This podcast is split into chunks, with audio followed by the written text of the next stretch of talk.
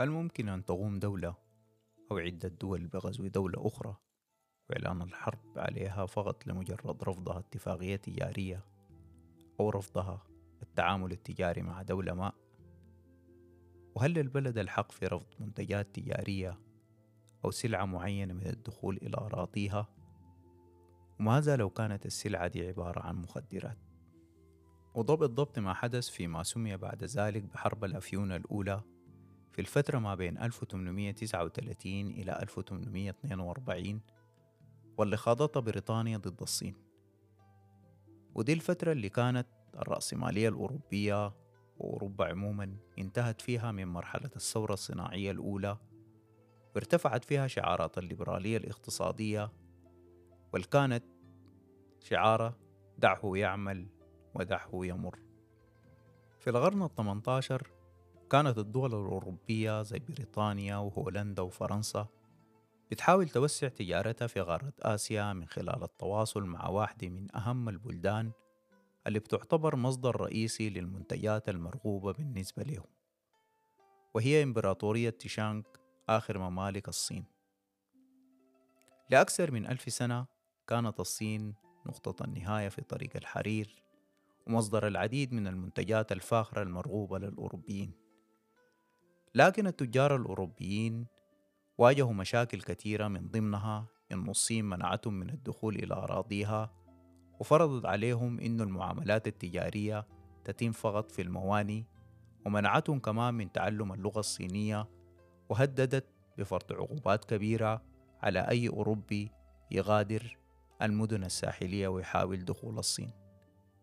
في أوروبا كان المستهلكين الأوروبيين معجبين جدا بالحرير الصيني والخزف والشاي لكن الصينيين في المقابل ما كان عندهم الرغبة في أي نوع من أنواع السلع المصنعة أوروبيا.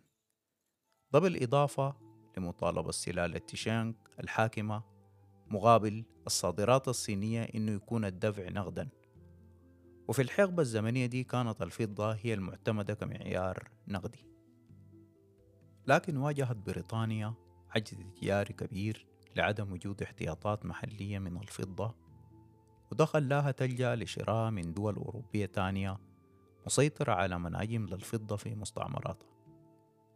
وأدى العطش البريطاني المتنامي للشاي على وجه التحديد إلى استمرار تدهور العجز التجاري في بريطانيا. لكن شركة الهند الشرقية البريطانية وللتنويه في الفترة دي كانت الهند من المستعمرات البريطانية أوجدت طريقة تانية للدفع ورغم إنها كانت غير قانونية إلا كانت مقبولة من قبل التجار الصينيين وهي عبارة عن الأفيون واللي كانت بتنتج أساسا في منطقة البنغال ويعتبر أقوى من النوع التقليدي المستخدم في الطب الصيني. ومن هنا بدأ الأفيون في الانتشار بين الصينيين وزاد تعاطيه وإدمانه وبتشير التقديرات إلى أنه حوالي 90% من الذكور الشباب المقيمين على طول الساحل الشرقي للصين كان بيتعاطوا الأفيون في ثلاثينيات القرن التاسع عشر. ومنها تأرجح الميزان التجاري لصالح بريطانيا على خلفية التهريب غير المشروع للأفيون. في عام 1839 كان الإمبراطور الصيني بيشوف إنه لا بد من القضاء على أنشطة تهريب المخدرات إلى البلاد. وقامت القوات الصينية بمصادرة وإبادة ما تقدر قيمته الإجمالية بنحو مليونين جنيه استرليني. لكن طالب التجار البريطانيين من حكومة بلادهم مساعدتهم في إنقاذ تجارة الأفيون. وبعدها زادت وتيرة الأحداث في نفس العام وحصل حادث زاد تصاعد التوتر بين الصين وبريطانيا. وهو مجموعة من البحارة البريطانيين والأمريكان في حال السكر.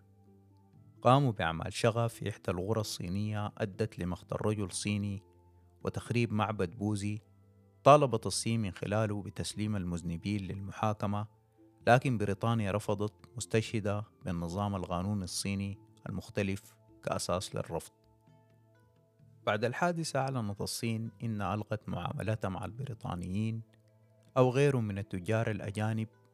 وإنها لن تسمح لأحد بالتجارة معها ما لم يوافق على الالتزام بالقانون الصيني والتوقف عن تهريب الأفيون وهي الإجراءات التي رد عليها المراقب البريطاني للتجارة مع الصين تشارلز إليوت بتعليق التجارة بين بلاده والصين وسحب جميع السفن البريطانية من الصين.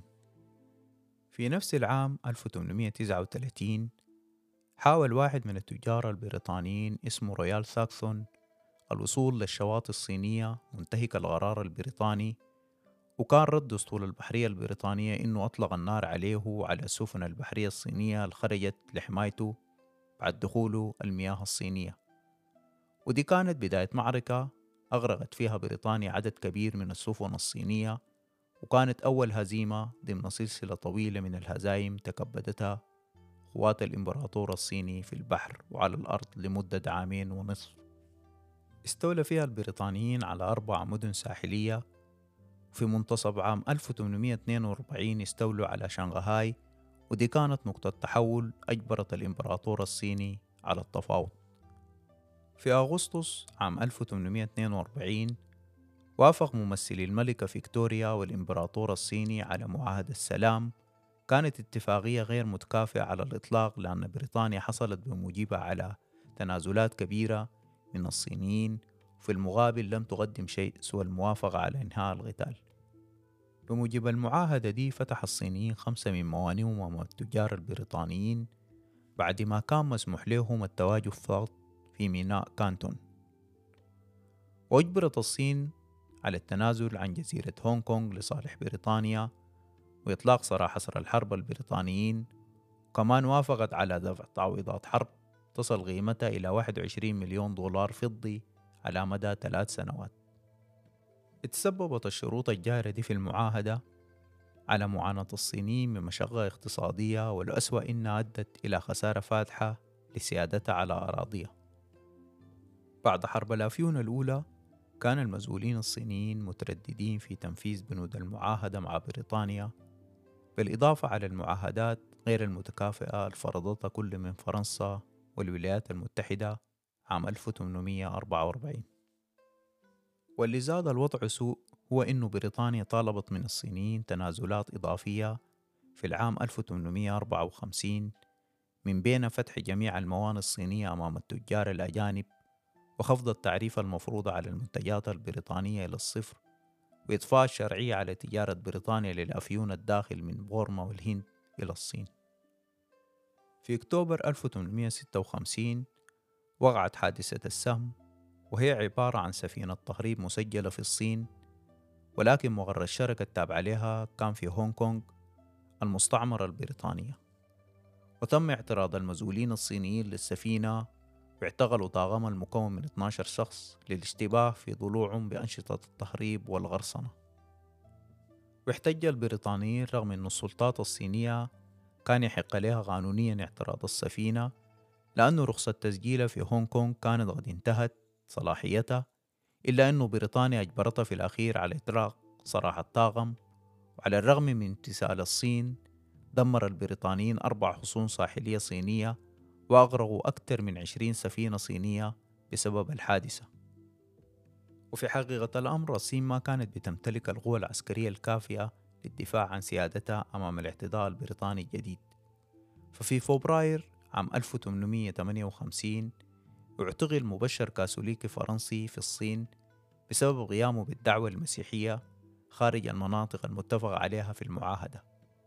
وتم الحكم عليه بقطع راسه لكن تم سجنه وضربه حتى الموت قبل أن يتم تنفيذ الحكم عليه. استخدمت الحكومة الفرنسية الحادث ده كذريعة للانضمام لبريطانيا في حربها اللي سميت بعد ذلك بحرب الأفيون الثانية.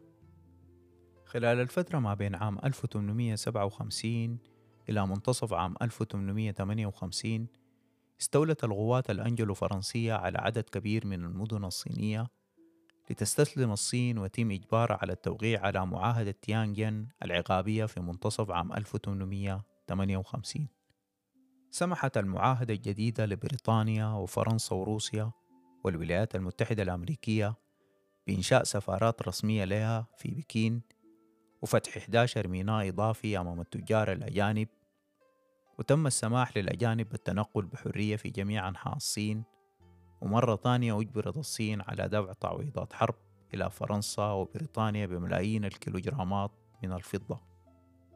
على الرغم من وضوح موازين القوى لكن مستشارين الإمبراطور الصيني أقنعوه بمقاومة القوى الغربية ومطالبها المجحفة ونتيجة لذلك رفض الإمبراطور التصديق على المعاهدة الجديدة. ردا على الرفض ده حاولت فرنسا وبريطانيا إنزال الآلاف من جنودهم على الشواطئ الصينية. في البداية واجهوا مقاومة صينية عنيفة لكن بعدها تمكنوا من فرض سيطرتهم على الأراضي الصينية وقتلوا ما يزيد على العشرة ألف من جنود الإمبراطور. انتهت حرب الأفيون الثانية أخيرا في العام 1860 بتصديق الصين على نسخة منقحة من معاهدة تيانجن اللي فيها كثير من الشروط المجحفة من ضمنها السماح بصفة رسمية وقانونية بتجارة الأفيون.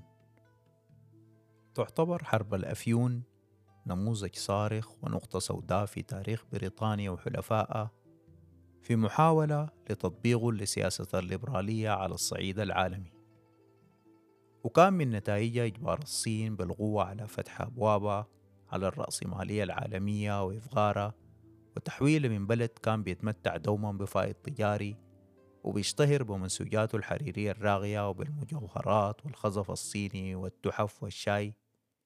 إلى بلد فقير بيستورد معظم احتياجاته من الخارج وبيعاني من عجز ضخم في معاملاته الخارجية وبيعاني معظم سكانه من إدمان الأفيون وحرب الأفيون برهنت بشكل واضح على إنه كيف قدرت الدول اللي بتتمتع بالقوة توظف شعارات الليبرالية بشكل فج لصالح طرف يزداد غنى وقوة وعلى حساب طرف آخر يزداد فقر وضعف.